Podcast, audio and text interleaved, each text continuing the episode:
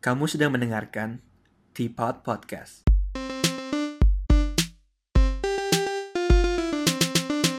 Hello, welcome back to Teapot. Baik lagi bersama gue, Fernandi Sugianto. Dan hari ini gue mau ngomongin soal yang lagi rame di sosial media, di berita, dan di mana pun itu. Mungkin kalian semua juga udah pada tahu, di mana pun kalian berada, hal ini juga lagi rame.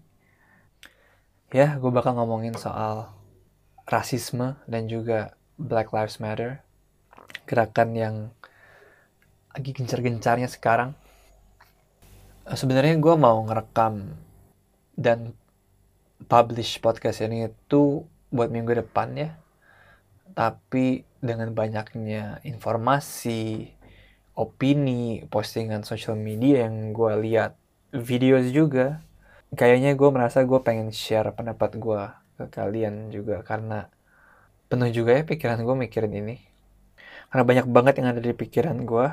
Um, ya kemarin juga awalnya gue pengen bikin ini sama satu orang teman lagi mungkin tapi karena banyak banget pikiran gue yang pengen gue sampein kayaknya yang ini gue sendiri dulu aja dan buat kalian yang dengerin semoga kalian dengerin sampai habis karena gue merasa ini bisa jadi bermanfaat buat kalian bisa menambah perspektif kalian gue harap juga dengerin juga dengan kritis dengan pikiran yang terbuka dan kalau misalnya kalian gak setuju atau apa pun itu, ayo kita ngobrol lah.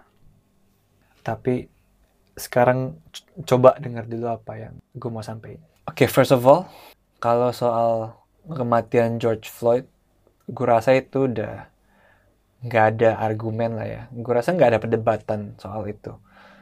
Semuanya udah jelas, uh, videonya udah ada juga, kalau dia itu ternyata emang bener dibunuh sama uh, polisi yang neken dia itu kan. Bahkan kalau dari sisi politiknya sendiri, dari Republican dan Democratic Party itu kayaknya semuanya setuju ini polisinya emang salah. Dan juga media pun memberitakan hal yang sama mau yang kayak Fox News yang benar-benar kanan atau media lainnya semuanya itu memberitakan hal yang sama. Jadi kayaknya gue nggak banyak pendapat soal itu karena emang polisinya salah. Emang lu nggak boleh bunuh orang seenaknya gitu. Apalagi cuma karena kulit dia hitam gitu kan. Tapi gue yang menarik dari ini tuh sebenarnya apa yang terjadi setelah kejadian George Floyd itu sih. Contohnya dari kerusuhan terus orang-orang memperdebatkan hashtag All Lives Matter sampai mungkin orang-orang juga yang apa ya quote on quote maksa kita buat speak up soal ini. Maksa semua orang buat speak up soal ini gitu. I know it's a big topic tapi gue akan mulai satu-satu kali ya biar nggak pusing so yang pertama gue bakal mulai dari ngomongin soal kerusuhannya Eh, mungkin kalau kalian udah dengerin podcast ini sejak lama dari gue ngomongin protes di Hong Kong, di Indonesia, dan lain sebagainya. Mungkin kalian udah tahu gue bakal mau bilang apa. Posisi gue selalu sama, yaitu violence is never okay for me. Sebenarnya gue aja tuh menyayangkan sih adanya riot dan looting, ya, kerusuhan, penjarahan yang terjadi ini. Kalau kalian pikir-pikir, ini kan mendistract orang-orang dari isu ra rasisme yang sebenarnya kan. Karena kejadian rakyat ini, orang-orang yang tadinya mestinya ngomongin tentang rasisme, akhirnya sedikit ke sidetrack dan mereka berdebat soal apakah boleh kita menjarah, apakah boleh kita ngerusuh untuk untuk membela sesuatu gitu. Ya akhirnya menurut gue sayang sih. Mereka jadi kehilangan momentum. Padahal kan awalnya setelah George Floyd meninggal itu kan semua orang di sisi yang sama gitu. Semua orang mikir this is not okay. Police violence yang kayak gini apalagi based on racism itu it's not okay. Tapi setelah adanya riot ini orang jadi ke distract. Mungkin orang-orang yang, yang tadinya nggak dukung jadi punya alasan buat mengcounter juga dan lain sebagainya. Jadi menurut gue sayang aja sih momentumnya awalnya. terus dari banyaknya postingan yang gue baca dan orang-orang yang monologing juga dan gue dengar pendapat mereka gue kok melihat kayaknya banyak ya yang karena mereka ngedukung ngedukung gerakan ini mereka itu akhirnya membela riotnya dan looting dari semua orang itu mereka belain ya nggak apa-apa lah orang ngejarah atau ngerusuh gitu. Dan mereka selalu alasannya iya soalnya mereka have been through a lot hal itu menteri satu dan yang lainnya. Habis itu mereka juga lagi coronavirus seperti ini baik yang ke kehilangan pekerjaan lagi stres juga ya sehingga kejadiannya sehingga akhirnya kejadian itu masuk akal. Tapi mungkin kita harus bertanya sendiri sih. Iya itu semua alasan yang masuk akal. Tapi apakah if you know where it came from semua hal itu bisa jadi justified gitu? Jadi apakah kalau lu tahu alasan sesuatu hal terjadi hal itu jadi dibenarkan gitu? Nggak juga kan mestinya. For me personally sih gue nggak mikir gitu. Coba misalnya mikir gini deh.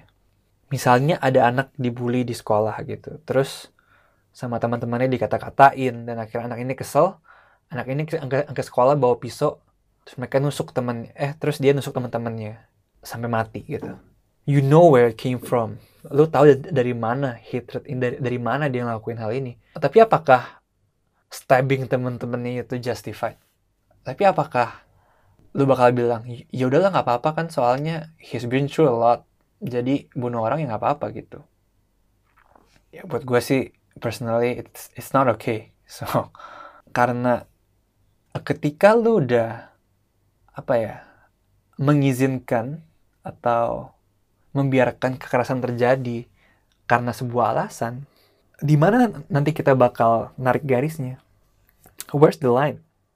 Di mana kita bakal bisa bilang oh kalau ada yang meninggal lu right boleh. Tapi kalau misalnya lu cuma dibully doang nggak nggak boleh gitu tapi gimana kita nentuin garis ini?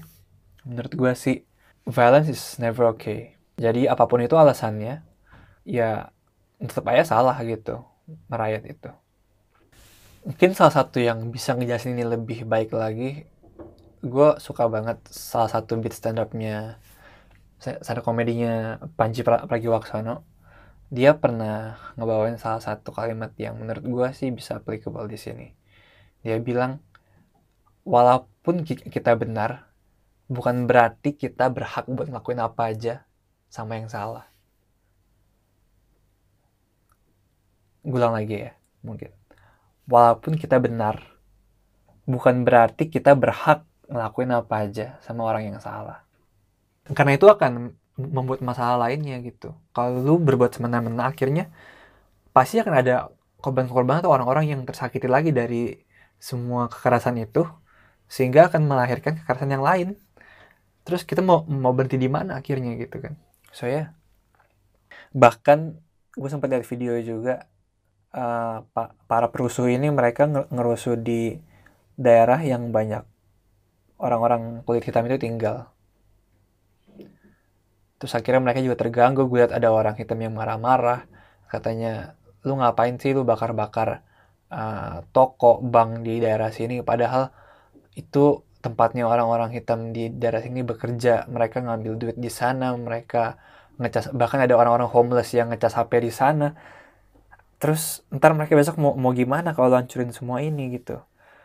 Dan menurut gue ketika tindakan yang lo lakuin buat ngebela sebuah kelompok yang di mana akhirnya nyakitin kelompok itu sendiri yang yang lo bela berarti caranya udah salah gitu karena lo udah menyakiti orang yang yang lo bela juga in the end so ya yeah, menurut gue rioting is not a good idea sih terus mungkin ada orang-orang yang ngomong kalau ya fair tapi kan riot itu language of the unheard.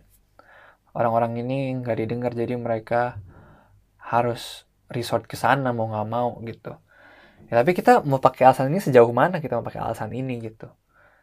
Apakah kita punya special case? Karena ini akan menjadi slippery slope banget sih menurut gue. Soal balik lagi apa tadi gue bilang, di mana kita mau tarik garisnya. Jadi apakah kalau misalnya nanti ada orang yang minta naik gaji, uh, pekerja buruh gitu minta, minta naik gaji, terus mereka nggak dinaik naik gaji yang nggak dinaik naikin karena mereka kemasangan mereka nggak didengar, ya udah mereka bakar-bakar aja gitu, boleh terus gitu. Jadi menurut gue sih, ketika lu memberikan lampu hijau untuk kekerasan dalam penyelesaian masalah, itu akan menimbulkan masalah lain sih. Yang mungkin Indian bakal lebih susah buat lu solve. Kalau misalnya semua orang dari kekerasan, mau jadi apa kita? Gue juga nggak tahu, mungkin kayaknya udah denger juga sih. Gue sempat denger Trevor Noah, mungkin, mungkin banyak dari kalian yang suka nonton Daily Show juga. Dia sempat ngutarin opini dia soal ini. Terus dari argumen dia, gue melihat tone yang kayaknya sih ngasih kesan kalau dia itu berpikir it's okay to do this. Sama alasannya kita di mereka have been through a lot and things, things like that. Dia juga ngejelasin soal gimana society itu berfungsi seperti sebuah kontrak. Cuma berguna ya kalau ditaatin semua orang gitu tapi dia berargumen kalau misalnya penegak hu hukumnya sendiri aja nggak ngikutin quote on quote kontrak tersebut jadi buat apa orang-orang yang di, di sisi lainnya buat buat following that, that, that buat following kontrak itu kan? Terus dia, dia juga bilang sebuah legitimate society itu harus ada tiga hal. Nah, jadi yang pertama itu sebuah core values yang kita percaya bareng-bareng. Terus penegak hukum ini yang menegakkan values penegak hukum yang menerapkan value ini secara adil dan juga semua orang diperlakukan secara adil dengan prinsip-prinsip itu. Menurut gue tiga ini bagus. Terus Trevor Noah bilang katanya kalau karena uh, penegak hukumnya aja udah gak ngikutin hal ini, kayak apa untungnya buat kita mengikuti hal ini gitu. Tapi menurut gue itu cara berpikir yang lumayan ekstrim ya. Karena menurut gue sih bener kita butuh tiga prinsip itu kalau mau maju sebagai negara gitu kan. Maju sebagai society lah at least. Dan gue lebih suka menganalogikan tiga prinsip ini mungkin kayak sebuah mesin atau apa ya handphone kali ya. Jadi ketika misalnya lu punya handphone yang penting misalnya ada baterai uh, prosesor chipnya sama layar gitu. Ketika baterai lu rusak bocor lu bakal ngapain? A apakah lu bakal beli baterai baru benerin baterainya atau udah lu banting aja semua tuh HP sampai hancur udah hancurin aja udah semua sekalian. Karena baterainya rusak gitu. Enggak kan sama pola pikirnya. Gue mikirnya kalau misalnya emang penegak hukumnya nah apalagi itu kan beberapa oknum ya yang salah ya udah kita kita benerin aja nih. Justru ketiga karena ada tiga tiga pilar yang membentuk society ini ketika satunya rusak, duanya jangan sampai rusak juga. Sehingga ketika kita mengembalikan fungsi yang ketiga ini, uh, akhirnya tiga-tiganya bisa ber berfungsi secara baik lagi, secara lengkap, dan society kita bisa bekerja dengan baik lagi. Jadi menurut gue bukan karena satu komponennya rusak, terus lo akhirnya ya udahlah, karena satunya udah rusak, kita hancurin aja semuanya gitu. Nah kita kalau dihancurin semuanya begitu, kita mau hidup kayak kayak gimana? Gimana cara kita balik ke kehidupan normal lagi? Apakah kita nyaman hidup secara bar barbarik seperti itu? Apakah kita nyaman berpikiran kalau yaudah setiap hari kita kerjanya ngerusuh dan ngejara aja gitu? Karena satu komponen rusak, kita hancurinnya society kita sekalian. Menurut gue sih nggak begitu kan. Jadi, yang gue mau kalian ingat itu dari soal rusuh ini sih, uh, dua prinsip ya yang pertama itu ingat aja walaupun lu, lu tahu alasannya bukan berarti kekerasan itu bisa dijustify gitu. even if you know where it come from, it doesn't make it right. It doesn't justify what they do. Sama yang kedua, ingat yang kata tadi juga, walaupun kita benar, bukan berarti kita berhak buat ngelakuin apa aja ke orang yang salah. Ya mungkin on the side note juga, kalau dipikir-pikir gue akhirnya jadi mikirin juga kan, gue ini minoritas lah juga di negara gue sendiri, di Indonesia. Gue keturunan Cina, tapi kalau lu look back orang keturunan Cina di Indonesia itu masih kena stigma-stigma dan disadvantage banget ya di negara kita sendiri. Kalau misalnya kalian lihat orang-orang Cina tuh nggak bisa jadi PNS, nggak dianggap orang Indonesia juga kadang-kadang. Dulu kalau nggak salah katanya kalau kuliah di universitas sekolah negeri gitu, kalau misalnya lu Cina lulusnya bakal lama. Tapi Indian kita kan melewati ini nggak dengan kekerasan. Sehingga ketika akhirnya orang-orang ngebahas soal rasisme ini, ya nggak ada perdebatan lagi. Kita emang di discriminate, itu harus berhenti. And, and that's it.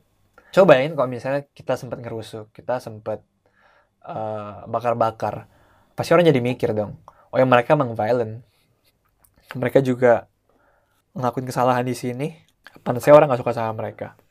Malah kebalikannya kan, malah orang-orang Cina itu yang jadi target kerusuhan waktu tahun 98 kemarin. So ya, yeah, apa pun itu menurut gue violence is not the answer. Oh dan yang menarik lagi setelah kejadian George Floyd ini itu ketika orang berkampanye soal Black Lives Matter akhirnya banyak kasus-kasus rasisme lain yang resurface contohnya kasus yang di Papua terus mungkin orang-orang Cina keturunan Indonesia juga akhirnya speak up juga soal rasisme yang mereka alami di Indonesia sendiri dan mungkin di luar negeri juga beberapa ada yang akhirnya jadi posting soal rasisme yang terjadi di negara mereka lah gitu mungkin ini juga akhirnya yang men-spark hashtag All Lives Matters juga karena supaya kita lebih aware kasus-kasus ini di seluruh dunia. Tapi banyak ya orang-orang yang yang gak suka dengan hashtag All, All Lives Matters ini.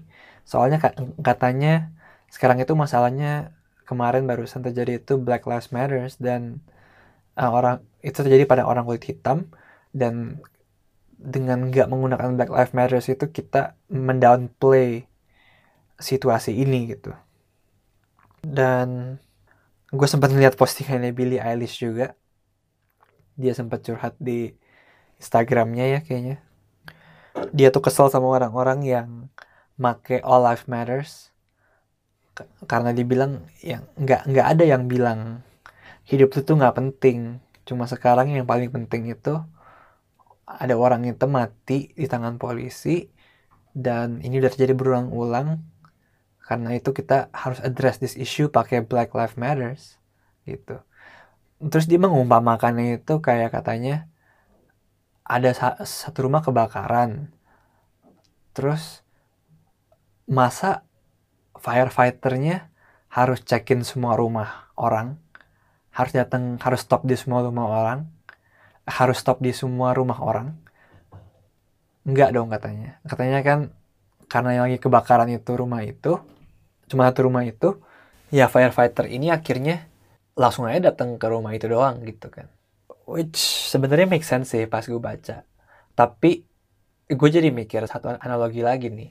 Bayangin aja misalnya di satu komplek itu ada tiga rumah. Rumah pertama itu merepresentasikan isu rasisme terhadap orang kulit hitam. Yang rumah kedua itu merepresentasikan rasisme terhadap orang Cina.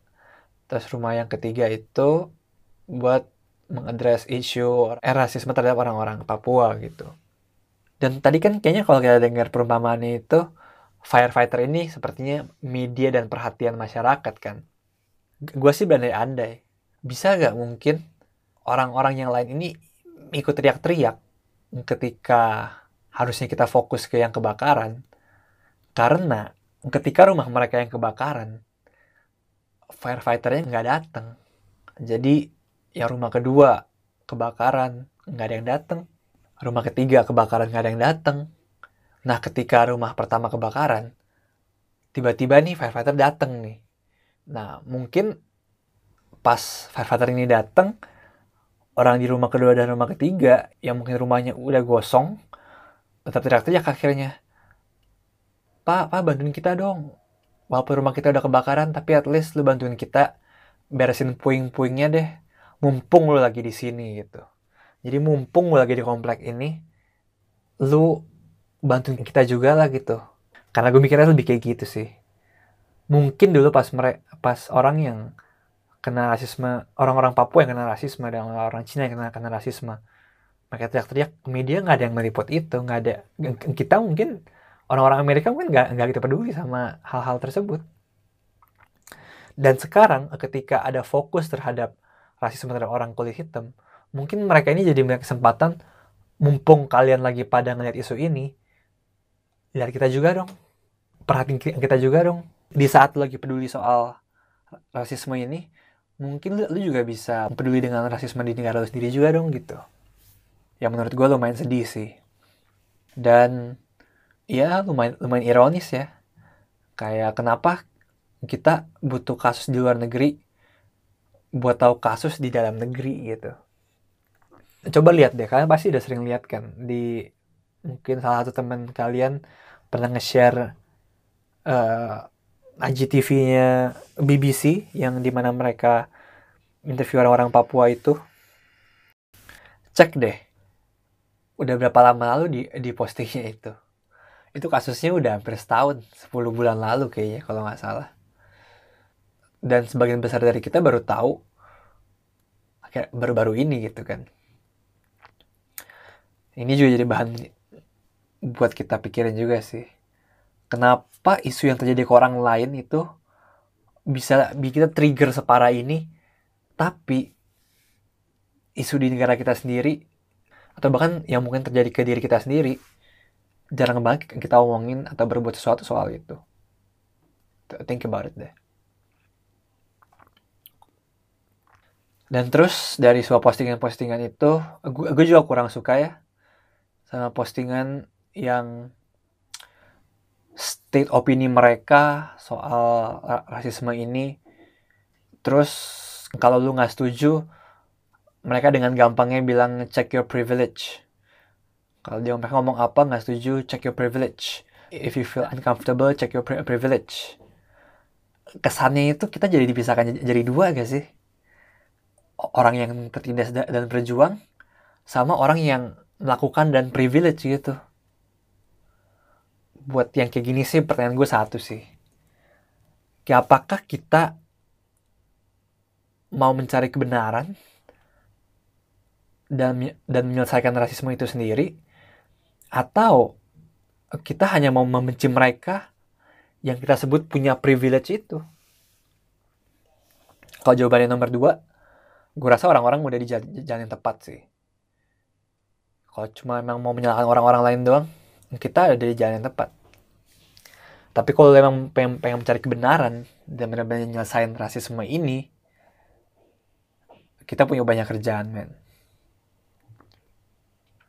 Karena anggaplah mereka benar gitu. Kalau banyak orang itu privilege dan dan mungkin mereka punya pendapat yang berbeda. Ya seharusnya kita ajak ngobrol dong. Diskusi, dialog. Bukannya disuruh cek privilege yang terkesannya kan kita kayak di-exclude gitu dari dari diskusi ini kan. Kalau pikir-pikir siapa sih yang nggak privilege gitu? Kita kita semua pasti pernah privilege di suatu saat gitu di satu masa mungkin kalau ada rasisme terhadap orang Cina ya orang-orang yang kulit lain itu mereka privilege nggak harus nggak harus mengalami hal itu kan? Dan ketika ada rasisme terhadap kulit hitam ya mungkin kita privilege karena karena kita nggak harus mengalami hal itu. Kalau mayoritas di suatu tempat mungkin lo akan jadi minoritas di tempat yang lain. Jadi kitanya sebenarnya kita kan privilege dalam hal yang berbeda aja gitu kan? Terus kalau misalnya kita punya pendapat yang, yang, yang berbeda sangat wajar menurut gue dan ya itu tadi gue bilang kita harus ajak ngobrol di, diskusi dialog. Kasih tahu pandangan lu supaya kita ngerti kalau misalnya gue ngerti apa yang sama yang lu bilang atau misalnya lu ngerti apa yang sama gue bilang ayolah kita ngobrol dialog. Bukannya disuruh cek privilege doang. Cuman kayak terkesannya lu mengeksklud ya. Lu mengeksklud kita dari diskusi ini gitu. Semua bilangnya kalau lu gak setuju sama gue lu berarti lawan gue padahal belum tentu bisa aja kita punya punya pemahaman yang, yang berbeda. Dan, dan kita mungkin struggle di, di, differently dengan privilege kita masing-masing. Dan tugas kita ya berdialog untuk saling mengerti satu sama lain bukan dengan mengucilkan satu sama lain. Soalnya gue, gue pernah dengar di sebuah podcast di podcastnya Joe Rogan. Ada orang yang bilang seharusnya ketika kita menghadapi masalah besar seperti ini di saat lu bikin sebuah lingkaran untuk mengeluarkan gue, untuk untuk memisahkan gue. Gue bakal bikin lingkaran yang lebih besar untuk mengikut sertakan lo gitu. Kalimat aslinya sih, if you draw a circle to exclude me, I will draw a bigger circle to include you. Karena itu caranya berhasil. Caranya kita cari kebenaran tuh itu. Dialog ikut sertakan. Gimana cara kita bisa reach an agreement? Karena ini kan masalah yang udah sistematis sudah diperutit di mindset semua orang yang kita ngobrol. Ngobrol gimana cara kita bisa merangkul orang-orang yang pandangannya berbeda dengan kita? Itu untuk bekerja sama menyelesaikan masalah ini bukannya dengan mengasingkan mereka bukannya cuma menganggap mereka jadi masalah terus juga soal yang orang-orang bilang kita harus speak up soal ini. Respon awalnya sih ya, gue sempat mikir, gue nggak dengar suara mereka waktu apa kejadian di Papua atau mungkin saat saat kita memperingati kerusuhan 98 untuk uh, ya mengenang rasisme yang ada di, Indonesia gitu kan. Gue nggak dengar suara orang-orang Amerika. Orang-orang US itu nggak nggak gitu peduli mungkin sama sama kita sama sama isu rasisme yang ada di negara kita gitu kan. Ya mungkin gue gue tahu lah pasti banyak dari kalian yang yang bakal bilang Fair mungkin akhirnya mereka baru sadar sekarang. Entah mereka pasti juga bakal bantuin kita kalau misalnya kita ada apa-apa. Karena itu dari akun-akun yang ngomong gitu, gue udah save beberapa sih. Gue mau bener-bener cek apakah mereka bener-bener akan bantuin menyuarakan masalah-masalah kita gitu. Yang terkait ra rasisme tentunya, karena masalah lain bukan urusan mereka lah ya. Karena ketika mereka semua expect kita buat ngomong sekencang ini buat mereka, then I sure hell hope buat dengar suara mereka sekencang ini juga ketika sesuatu terjadi di negara mana pun. Kalau nggak ironis dong, buat yang kita privilege, tapi they don't do what they preach. Atau aka hipokrat kan gitu jadinya. So ya, yeah, gue gue udah save akun-akun beberapa akun yang ngomong kayak gini gue coba pengen lihat sih apakah benar mereka bakal teriak se sekencang ini seperti kita semua teriak sekencang ini buat mereka gitu karena katanya kan kita satu race kan the human race masa kalau race-nya yang menderita beda kita nggak bantuin ya we'll just see sih Ya jadi sebenarnya dari semua yang udah ngomong gue ngomongin panjang ini, gue mau ngomongin soal solusi sih. Gimana caranya kita bisa ngehapus ra rasisme ini gitu. Karena sebenarnya kan rasisme ini kebanyakan udah jadi mindset ya. Dan susah banget buat ngerubah mindset ini. Banyak orang yang bilang mungkin lebih gampang buat nunggu orang-orang ini orang-orang rasis ini meninggal dibanding mencoba merubah mereka gitu. Karena emang kalau jadi mindset susah banget. Mereka pun karena mereka pun tumbuh besar di lingkungan yang yang mengin, yang memperbolehkan segregasi memperbolehkan rasisme itu sendiri emang udah bagian dari kultur mungkin susah juga untuk kita mau merubah mereka. Tapi yang gue pikir sih generasi-generasi kita ini adalah generasi yang bisa ngerubah semuanya sih.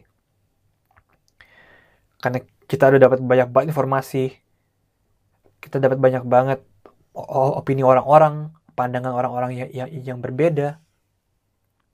Dan mindset mindset itu kan turun temurun ya. Mungkin beberapa dari kita ada mikir beberapa kali bersikap rasis juga kali ya tanpa kita sadari mungkin. Tapi semua ini akhirnya pilihan kita. Kita yang bakal nerusin generasi ke depan dan kita juga yang punya andil buat nurunin mindset apa yang kita mau ajarin ke, ke generasi berikutnya. Ya tergantung kalian juga tergantung kita jadinya. Mau nurunin mindset yang rasis yang mungkin turun temurun dari sampai orang tua kita? Atau seharusnya kita nggak berpikir seperti itu? Mungkin kalau kalian mau berperubahan juga mulai dari diri sendiri sih. Perbaiki diri sendiri dulu lah pokoknya. Contohnya apa yang lakuin kalau dengan orang tua lu bikin komen rasis? Aku percaya pasti at some point orang tua lu pernah bilang satu komen yang rasis mungkin. Satu statement yang rasis. Dan apa yang lakuin kalau mereka ngomong itu? Lu ingetin kah? Atau jangan-jangan lu, lu mikir juga sama gitu? Think about it deh. Jadi, rubah diri kalian sendiri, rubah mindset kalian, ngingetin orang-orang yang ada di, di sekitar kalian lah. Kalau apa yang mereka lakuin itu, it's not, it's not cool. It's not okay. Dan teori gue nih ya, mungkin nanti bisa dibuktiin kali. Tapi, menurut gue, orang yang rasis terhadap suatu ras, satu aja ras, itu kemungkinan besar mereka akan rasis ke yang lainnya. Walaupun mungkin dalam magnitudenya yang berbeda ya dari setiap ras. Tapi pastilah kalau misalnya mereka udah mendiskriminasi satu satu ras dengan berbeda, mereka kan melihat ras yang berbeda itu akan selalu berbeda dan mereka kan mempunyai perilaku yang berbeda terhadap mereka. Udah jadi kebiasaan gitu lah. Jadi lagi-lagi ke depannya itu gimana tergantung kita mau ngajarin apa ke generasi berikutnya mau nggak kita berubah mindsetin mindset kita dan bisa gak kita ngingetin orang-orang di sekitar kita untuk berubah mindsetnya juga seperti kita ya mungkin gue gila kali ya tapi in the end kalau gue disuruh milih gue lebih milih kalian gak usah post apa-apa di sosmed gak usah sign petition apa-apa tapi terapin semua ini dalam hidup lu. Karena menurut gue, sign petition, post di sosmed, atau uh, donation pun itu gampang buat kita. Tapi apa ketiga itu bakal bakal merubah pola hidup kita, bakal bakal merubah mindset kita gitu. Karena karena merubah diri kita itu nggak bisa cuma dengan pengetahuan. Pengetahuan itu baru satu part dari besarnya sebuah perubahan perilaku gitu. Contohnya aja deh, misalnya ada dua kelompok anak nih. Mereka Indian bakal lomba panjat pohon. Kelompok yang pertama itu anak-anaknya disuruh manjat beneran tiap hari, suruh latihan gitu kan. Kelompok yang kedua mereka duduk aja di kelas diajarin gimana caranya teori-teorinya cara manjat pohonnya yang benar terus mereka didatengin sama world class professional tree climber dikasih tahu gimana caranya tapi nggak pernah praktek gitu. In the end setelah berbulan-bulan mereka akhirnya mau lomba. Dan kalau lu disuruh pilih buat taruhan lu bakal taruh duit lu di mana gitu. Karena semua pengetahuan itu tanpa dipraktekin bakal sia-sia. Sama kayak rasisme ini.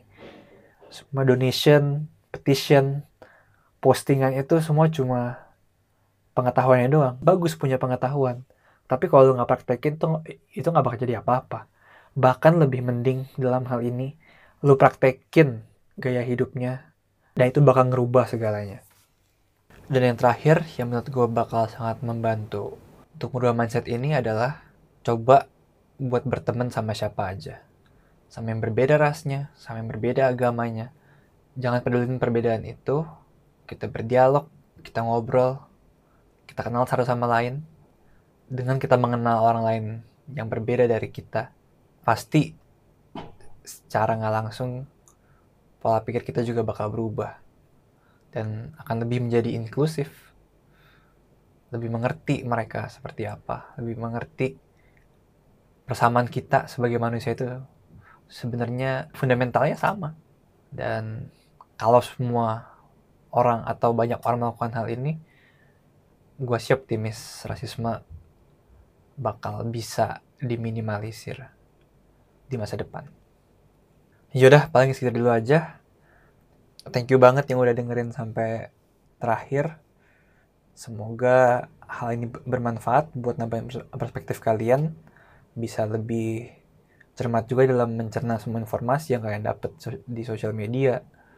Dan tahu berikutnya apa yang harus kalian lakukan. And kalau kalian merasa gue ada yang kurang, ada yang kurang jelas atau pengen membantah sesuatu ataupun itu bisa langsung ngobrol aja ya kita dialog. Uh, kalau kalian punya kontak pribadi gue bisa langsung DM atau japri gue kalau kalian nggak punya kontak pribadi gue bisa DM di di Instagram kita at underscore podcast. Itu gue yang bales jadi kita bisa diskusi dan semoga situasi cepat membaik and I'll see you guys in the next one. Bye